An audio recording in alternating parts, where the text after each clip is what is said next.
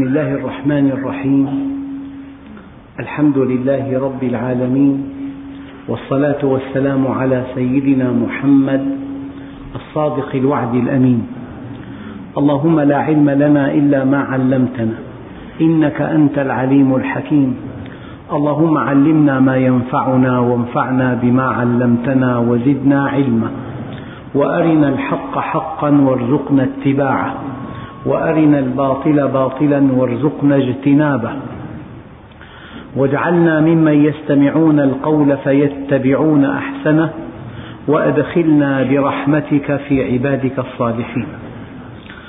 أيها الإخوة المؤمنون مع الدرس السادس والعشرين من دروس سورة النساء ومع الآية الثامنة والأربعين وهي قوله تعالى إن الله لا يغفر أن يشرك به ويغفر ما دون ذلك لمن يشاء ومن يشرك بالله فقد افترى إثما عظيما.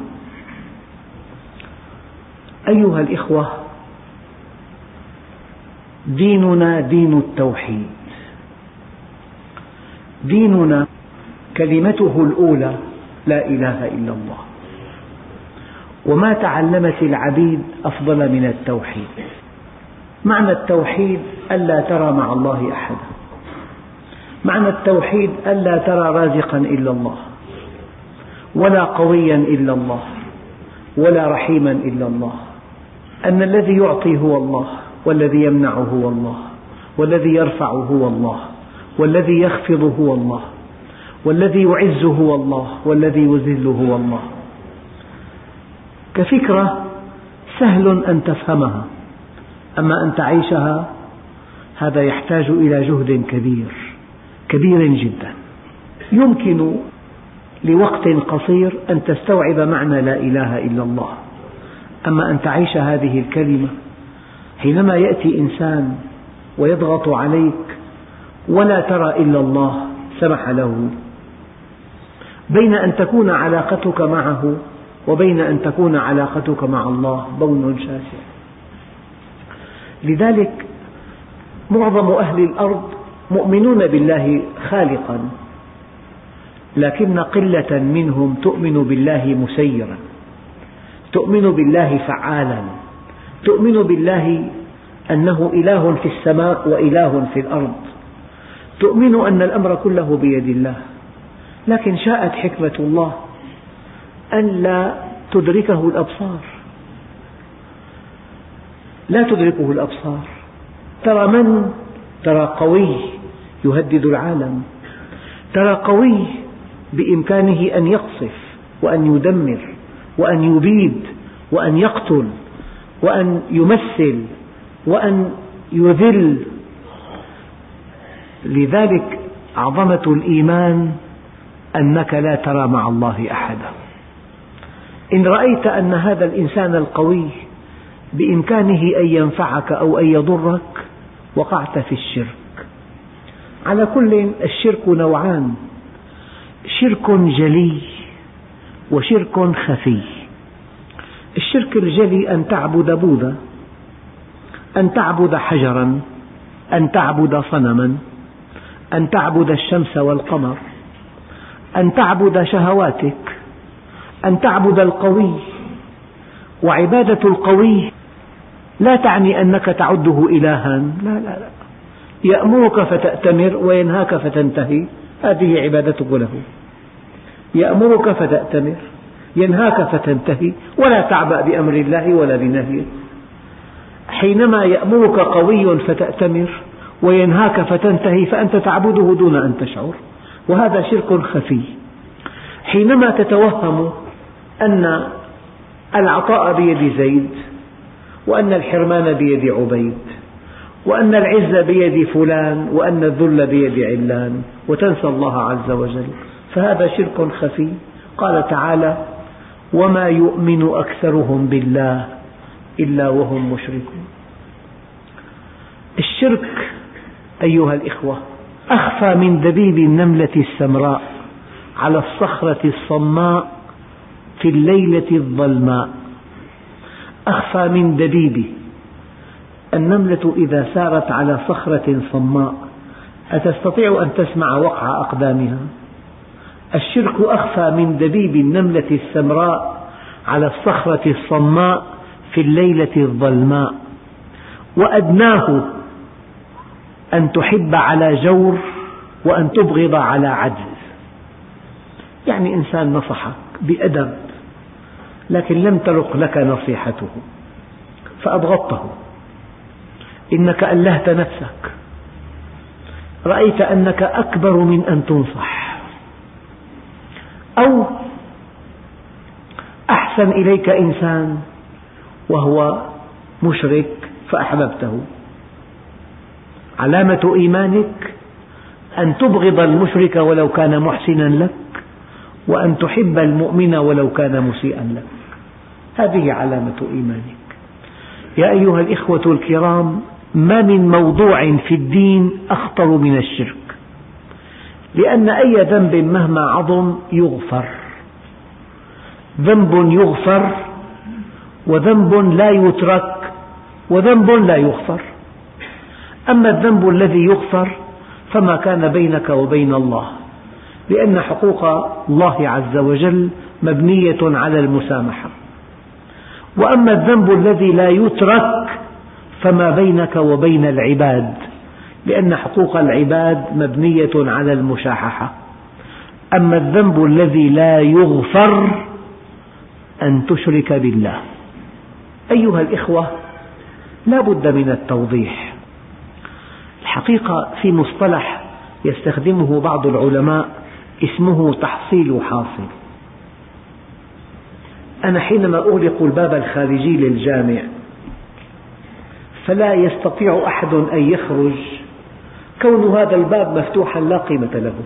هو مغلق حكما لأنك لو خرجت منه الباب الثاني موصد أمامك.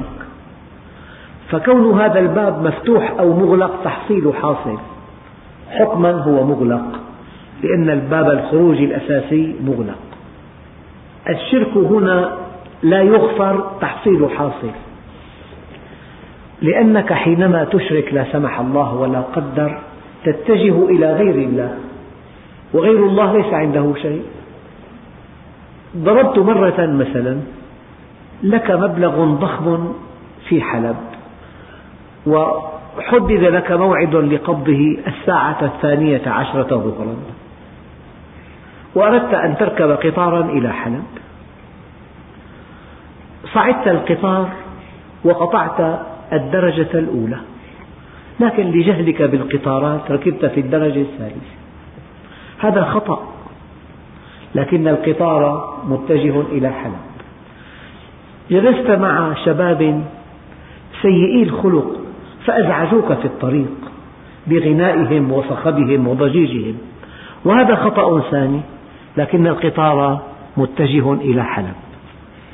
جلست عكس اتجاه الطريق فأصابك دوار وهذا خطأ ثالث لكن القطار متجه إلى حلب وسيصل في الوقت المحدد.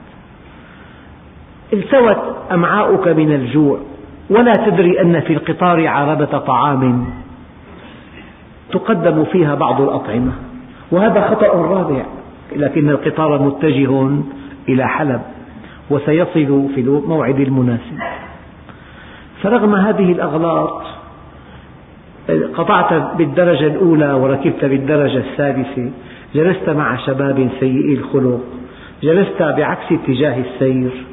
التوت أمعاؤك من الجوع لكن القطار منطلق إلى حلب وسيصل في الوقت المناسب وستقبض المبلغ الثمين أما الخطأ الذي لا يغفر أن تركب قطارا إلى درعا.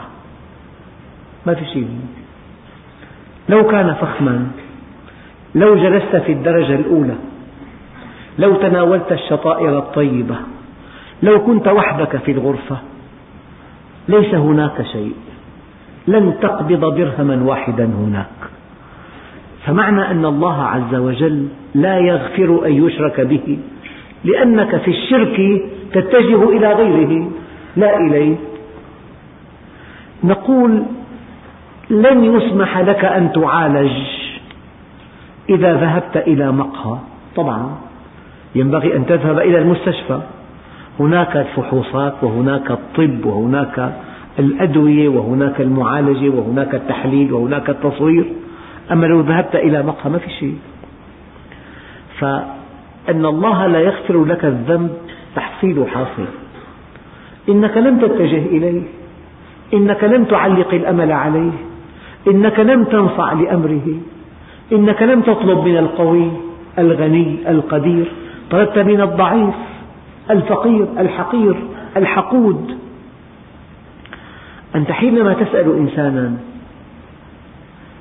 لا شك أنك مؤمن بوجوده ولا تسأله إلا إذا أيقنت أنه يسمعك ولا تسأله إلا إذا أيقنت أنه قادر على أن يلبي طلبك.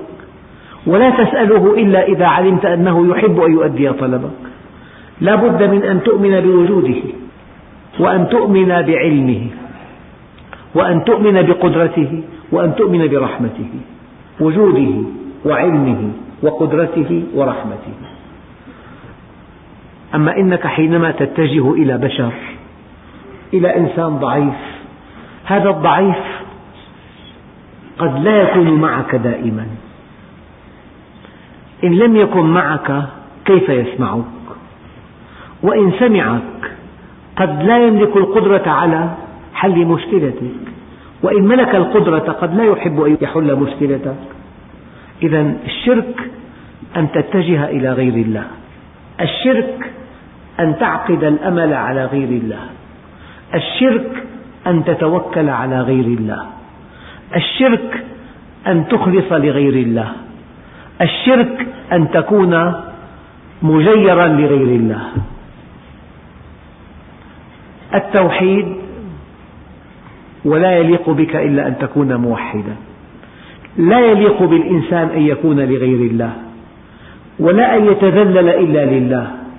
ولا أن يمرغ جبهته إلا في أعتاب الله. ولا أن يطلب إلا من الله وأن لا يستغفر إلا من الله وأن لا يطلب العون إلا من الله.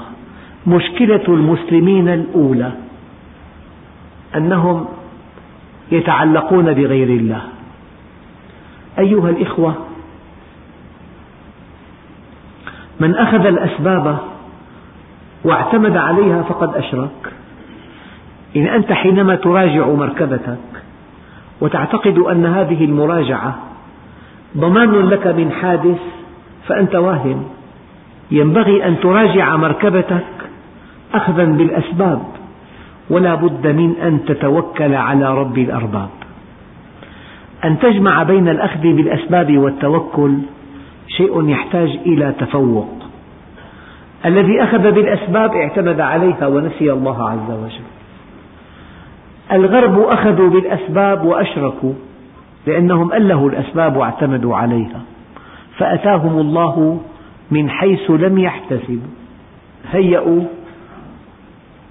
دروعا على بعد مئات الكيلومترات.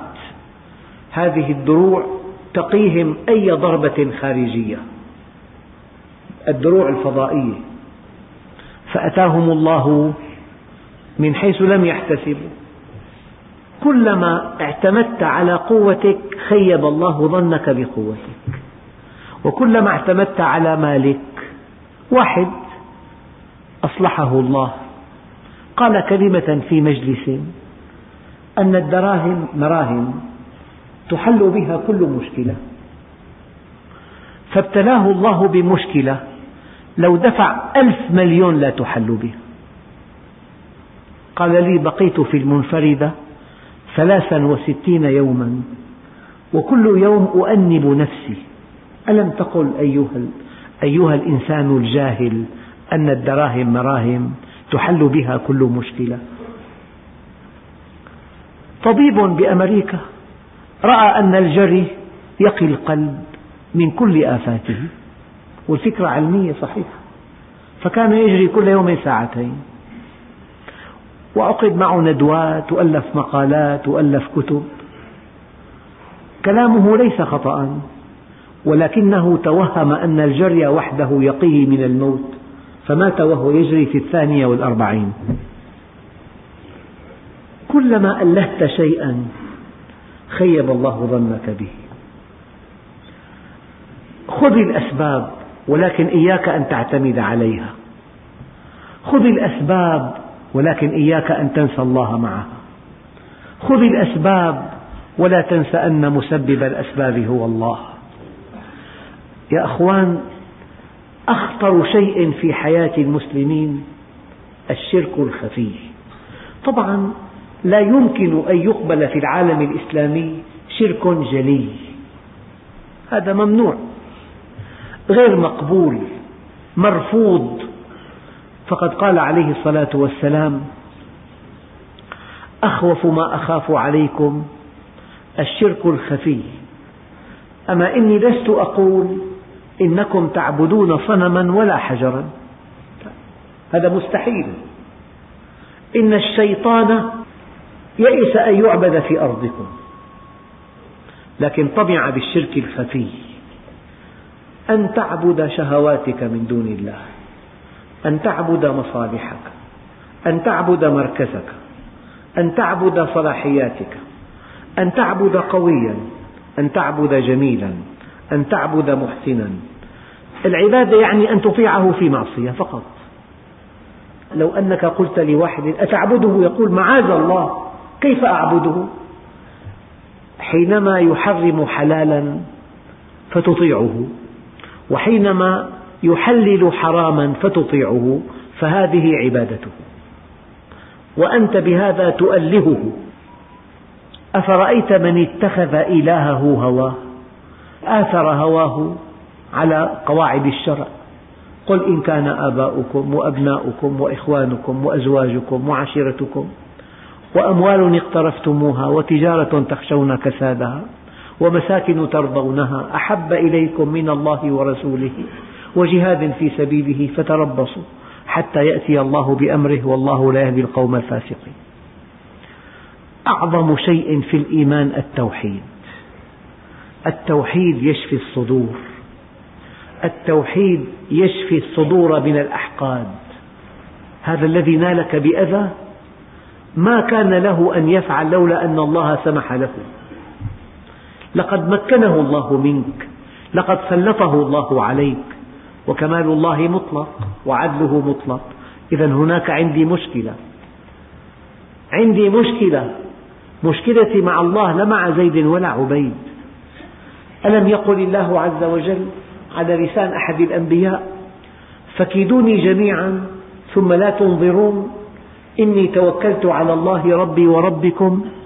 ما من دابة إلا هو آخذ بناصيتها. إن ربي على صراط مستقيم. وحوش مخيفة مفترسة لكنها مربوطة بأزمة محكمة بيد أرحم الراحمين وأحكم الحاكمين علاقتك مع من؟ مع الوحوش أم مع من بيده أزمتها؟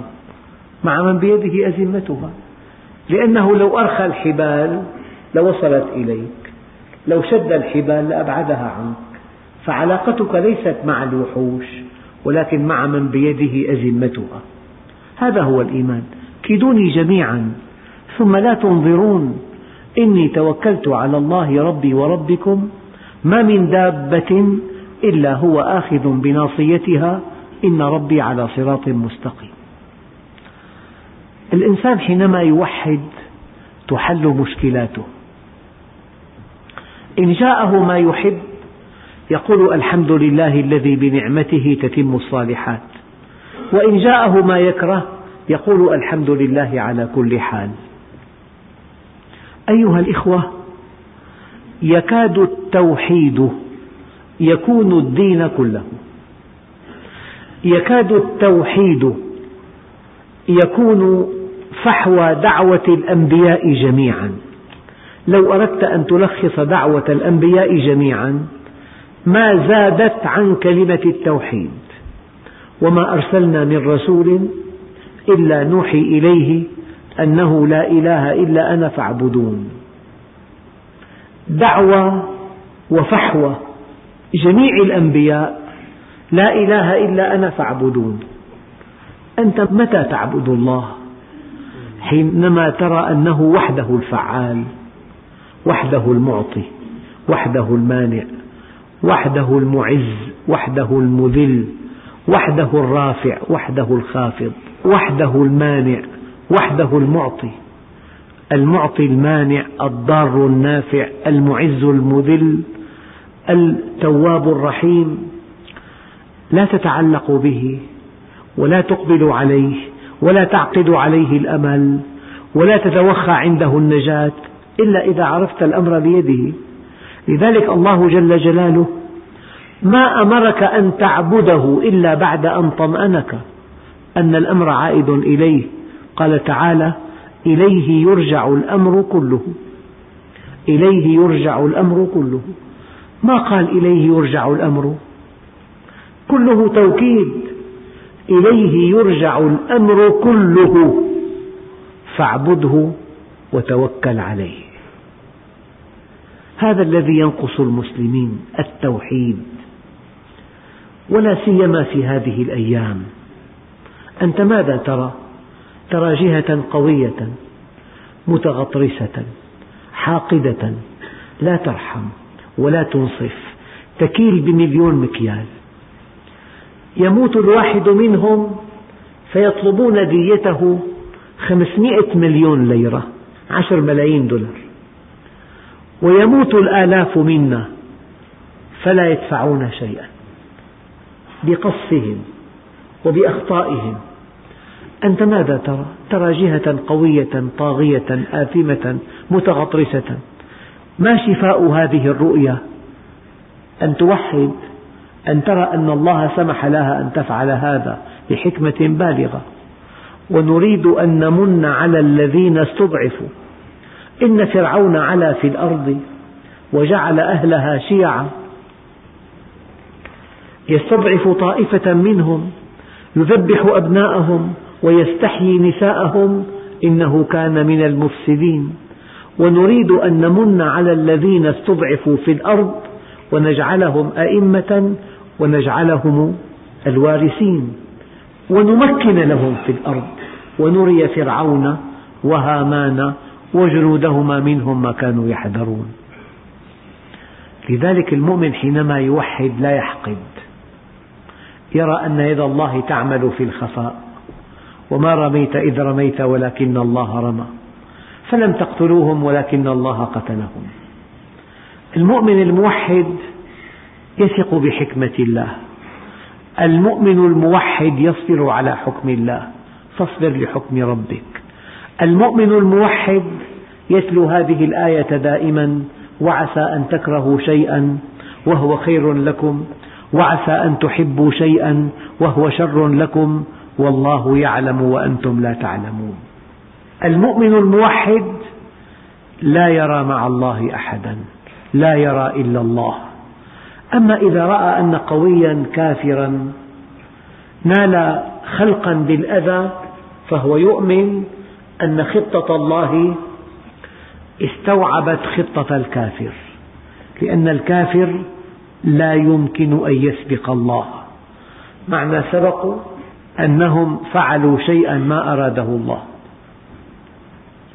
معنى سبقوا أنهم تفلتوا من عقاب الله ما فعلوا إلا ما سمح الله به.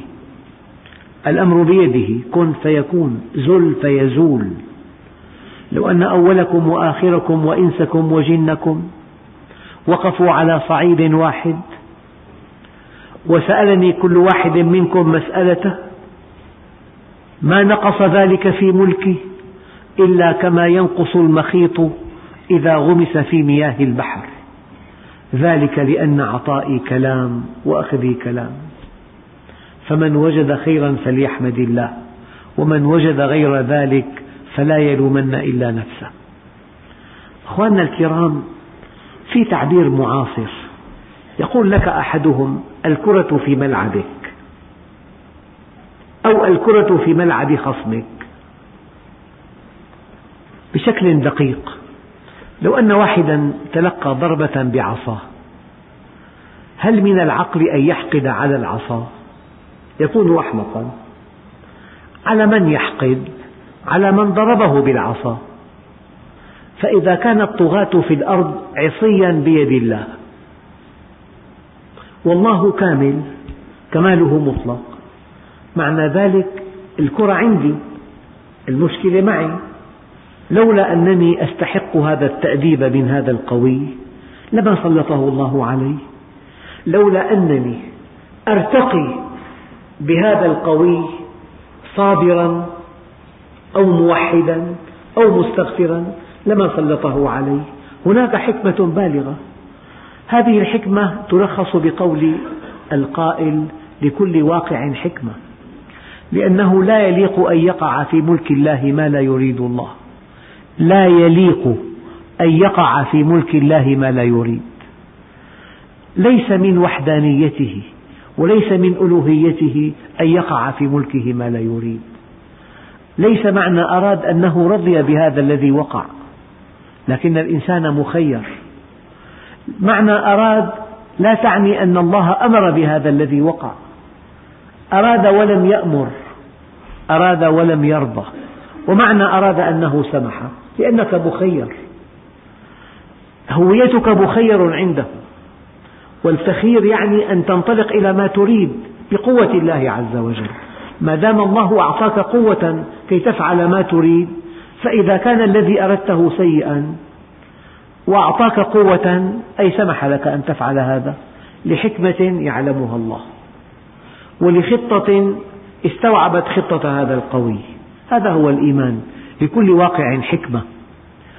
لذلك لو كشف الغطاء لاخترتم الواقع. لو كشف الغطاء كما قال سيدنا علي ما ازددت يقينا؟ ما ازددت يقينا؟ هذا التوحيد يذيب الهموم.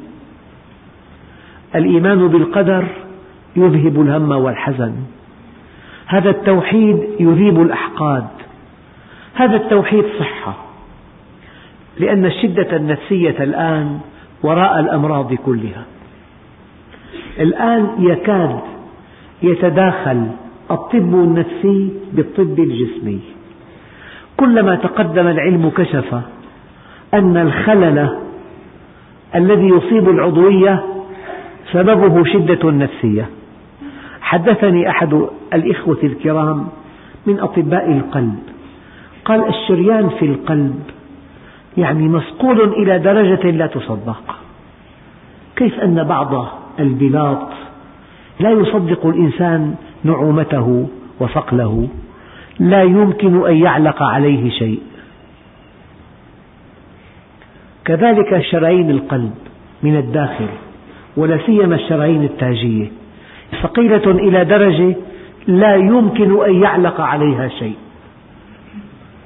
إلا أن الشدة النفسية الخوف القلق الحقد يحفر في هذه السطوح الداخلية للشرايين حفر صغيرة.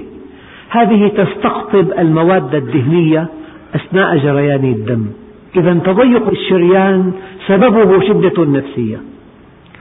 الأورام الخبيثة سببها الشدة النفسية بدليل أن كل المصابين بمرض الإيدز يصابون بأورام خبيثة. أمراض القرحة سببها الشدة النفسية. السكر سببه الشدة النفسية. الخسرة في الدماغ سببها الشدة النفسية. بعض آلام العضلات سببها الشدة النفسية. الشدة النفسية جاءت من الشرك. إنسان قوي متمكن يريد أن يدمرك ولا يرحمك ولا يقبل عذرا ولا ينصفك. هذا الشعور وحده يصيب الإنسان بأزمة قلبية. بل إن الشدة النفسية قاتلة. لقوله تعالى قل موتوا بغيظكم. كم من إنسان جاءته الضريبة فوقع ميتا لم يحتمل هذا الرقم. كم من إنسان تلقى خبرا سيئا فوقع ميتا. التوحيد صحة. التوحيد يريك أن الأمر سمح الله به. الله عز وجل عادل ورحيم وغني عن أن يظلمك وخلقك لجنة عرضها السماوات والأرض وهذه الدنيا مؤقتة. دار ابتلاء دار التواء لا دار استواء منزل ترح لا منزل فرح. من عرفها لم يفرح برخاء ولم يحزن لشقاء. قد جعلها الله دار بلوى وجعل الآخرة دار عقبة فجعل بلاء الدنيا لعطاء الآخرة سببا وجعل عطاء الآخرة من بلوى الدنيا عوضا فيأخذ ليعطي ويبتلي ليجزي. أحد التابعين فقد أحد أعضائه بمرض الموات الجرجرين وفقد أحد أولاده فاحتسب هذا عند الله. قال يا رب لئن ذهب عني أحد أعضائي لقد أبقيت لي بقية الأعضاء. ولئن فقدت أحد أولادي أبقيت لي بقية الأولاد. المؤمن راضي عن الله. قال يا رب هل أنت راض عني؟ سمعه رجل اسمه محمد بن إدريس الإمام الشافعي. قال له يا هذا هل أنت راض عن الله حتى يرضى عنك؟ قال يا سبحان الله. كيف أرضى عنه وأنا أتمنى رضاه؟ قال إذا كان سرورك بالنقمة كسرورك بالنعمة فقد رضيت عن الله. علامة إيمانك أنك راض عن الله. والله أعرف أخ توفي رحمه الله بمرض خبيث في أمعائه. تقول زوجته لأبيها وأبوها صديقي ما سمعت من زوجها مرة كلمة تأوه إلا قول زوجها يا ربي لك الحمد. حدثني أخ طبيب في مستشفى جاءهم مريض بمرض الخبيث في الأمعاء. كلما دخل زائر يعوده يقول له اشهد أنني راض عن الله يا رب لك الحمد. لأنه رأى يد الله تعمل في الخفاء يد الله رآها رحيمة وعسى أن تكرهوا شيئا وهو خير لكم وعسى أن تحبوا شيئا وهو شر لكم. والله يعلم وأنتم لا تعلمون. عجبت لأمر المؤمن في عنده رضا راضي عن الله.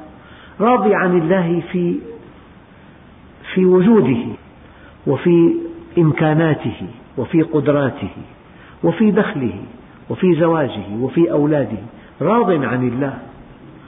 المؤمن لسان حاله يقول فليتك تحلو والحياة مريرة وليتك ترضى والأنام غضاب وليت الذي بيني وبينك عامر وبيني وبين العالمين خراب. إذا كان الله معك فمن عليك؟ وإذا كان الله عليك فمن معك. ويا رب ماذا فقد من وجدك؟ وماذا وجد من فقدك؟ هذا هو التوحيد. ألا ترى مع الله أحدا. أما المشركون يموتون بغيظهم. فلا تدع مع الله إلها آخر. فتكون من المعذبين. أحد أكبر أسباب العذاب النفسي أن تدعو مع الله إلها آخر. أن ترى قويا مخيفا أن ترى قويا لا يرحم أن ترى قويا حاقدا أن ترى قويا يطولك أن ترى قويا يتمنى دمارك. أقول لكم هذه الكلمة أيها الإخوة وسامحوني بها. إذا سلمك الله لغيره لا يستحق أن تعبده. إذا سلم مصيرك لغيره كيف يأمرك أن تعبده؟ قال لك لا إليه يرجع الأمر كله فاعبده. أنت أغلى من أن تسلم إلى غيره ولكن لضعف إيمانك ولضعف متابعة العلم ولضعف توحيدك تتوهم أن الأمر بيد زيد أو عبيد. وما رميت إذ رميت ولكن الله رمى. ما شاء الله كان وما لم يشأ لم يكن.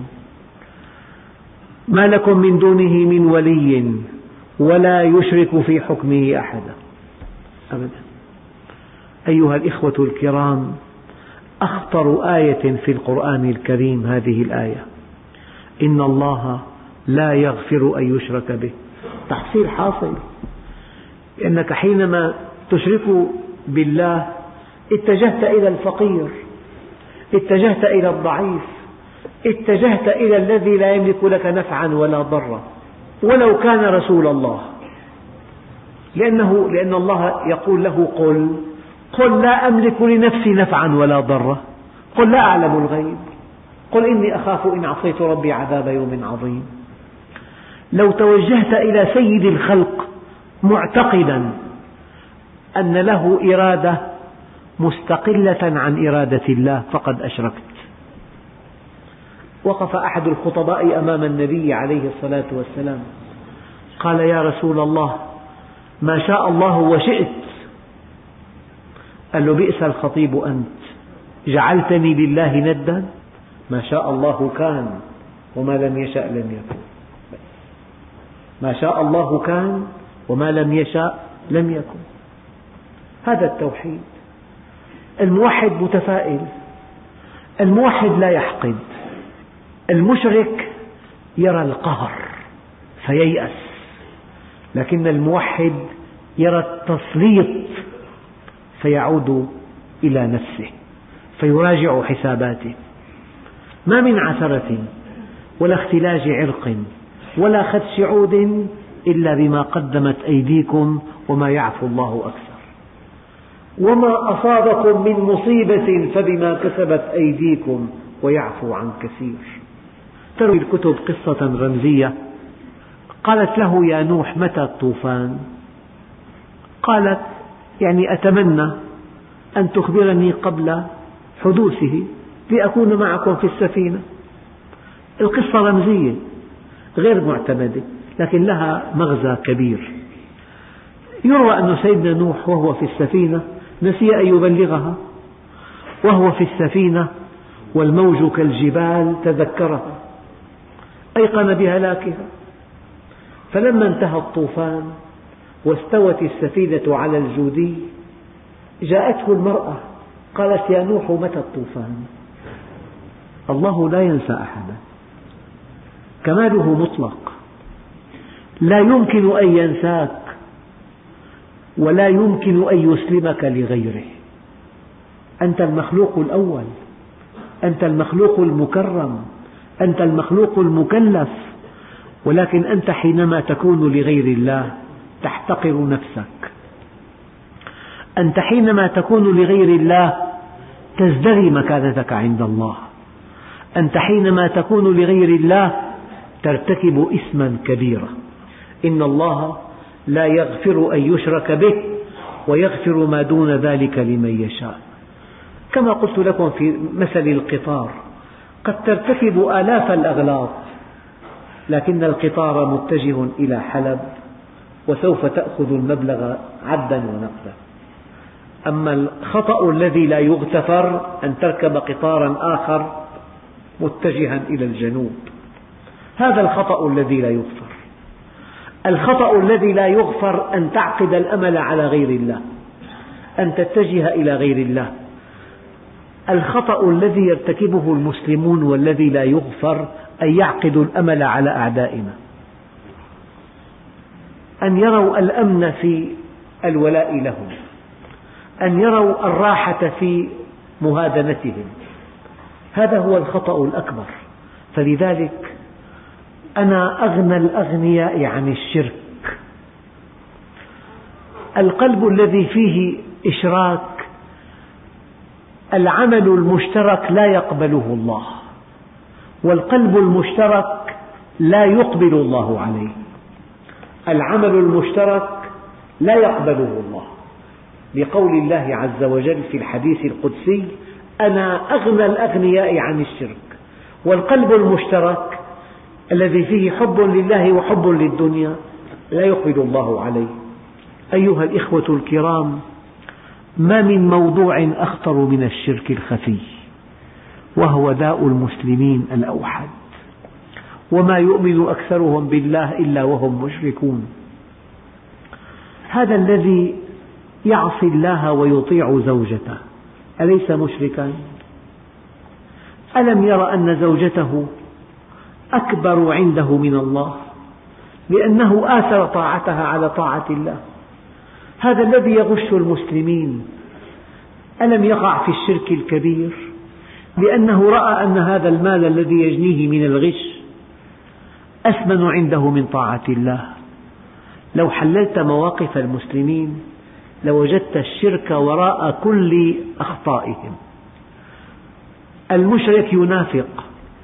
لأنه يرى أن هذا الذي ينافق له قوي يخشى بأسه ويرجو نواله فينافق له. المشرك جبان لأنه يرى القوة بيد أعدائه لا يرى أن الله هو القوي. يقول الله عز وجل ولا تحسبن الله غافلا عما يعمل الظالمون. إنما يؤخرهم ليوم تشخص فيه الأبصار. ولا تحسبن الله مخلف وعده رسله. إن الله عزيز ذو انتقام. إن الله عزيز ذو انتقام. أيها الإخوة يقول الله عز وجل إن الله لا يغفر أن يشرك به ويغفر ما دون ذلك لمن يشاء ومن يشرك بالله فقد افترى إثما عظيما. يعني أنت حينما تشرك ترتكب كذبا كبيرا. تزور الحقائق بالنظام المدني بالقوانين الوضعية. الإنسان متى يعدم قولا واحدا؟ إذا أراد أن يبدل النظام ويعتدي على السلطة. أما لو ارتكب اسم آخر يسجن. أما حينما يرتكب الخيانة في نظر من بيدهم الأمر يقتلوه. أنت مع إنسان لو أردت أن تعتدي على سلطانه لأنزل فيك عقوبة الإعدام. المشرك ماذا يفعل؟ يعتدي على سلطان الله. ولو يعتدي باللفظ فقط. إنه حينما يقول على الله ما لا يعلم أو حينما يقول على الله بخلاف ما يعلم فقد اعتدى على سلطان الله عز وجل. لذلك من البدهي أن الله لا يغفر له. يعني مواطن ارتكب مخالفات كثيرة يعاقب بقدرها. أما الذي أراد أن يتآمر على النظام بماذا يعاقب؟ بالإعدام. أنت إذا اعتديت على سلطان إنسان اتهمك بالخيانة العظمى فكيف إذا اعتديت على سلطان الله في الأرض؟ كيف إذا قلت الأمر بيد فلان ليس بيد الله؟ فلذلك دائما وأبدا المؤمن لا يرتاح إلا إلى التفسير التوحيدي بينما غير المؤمن يرتاح إلى التفسير الشركي. إذا ذكر الله وحده اشمأزت قلوب الذين لا يؤمنون بالآخرة. أما إذا ذكر الإنسان زيدا أو عبيدا ترتاح نفوسهم. البطولة أن تكشف الحقيقة. هي أن الله هو كل شيء وأنه بيده كل شيء وأنه يرجع إليه كل شيء. وما تعلمت العبيد أفضل من التوحيد وأن الذي يشرك يرتكب كذبا شنيعا وإثما عظيما لأنه يفتري على الله الكذب لأنه يقول ما لا يعلم أو يقول بخلاف ما يعلم.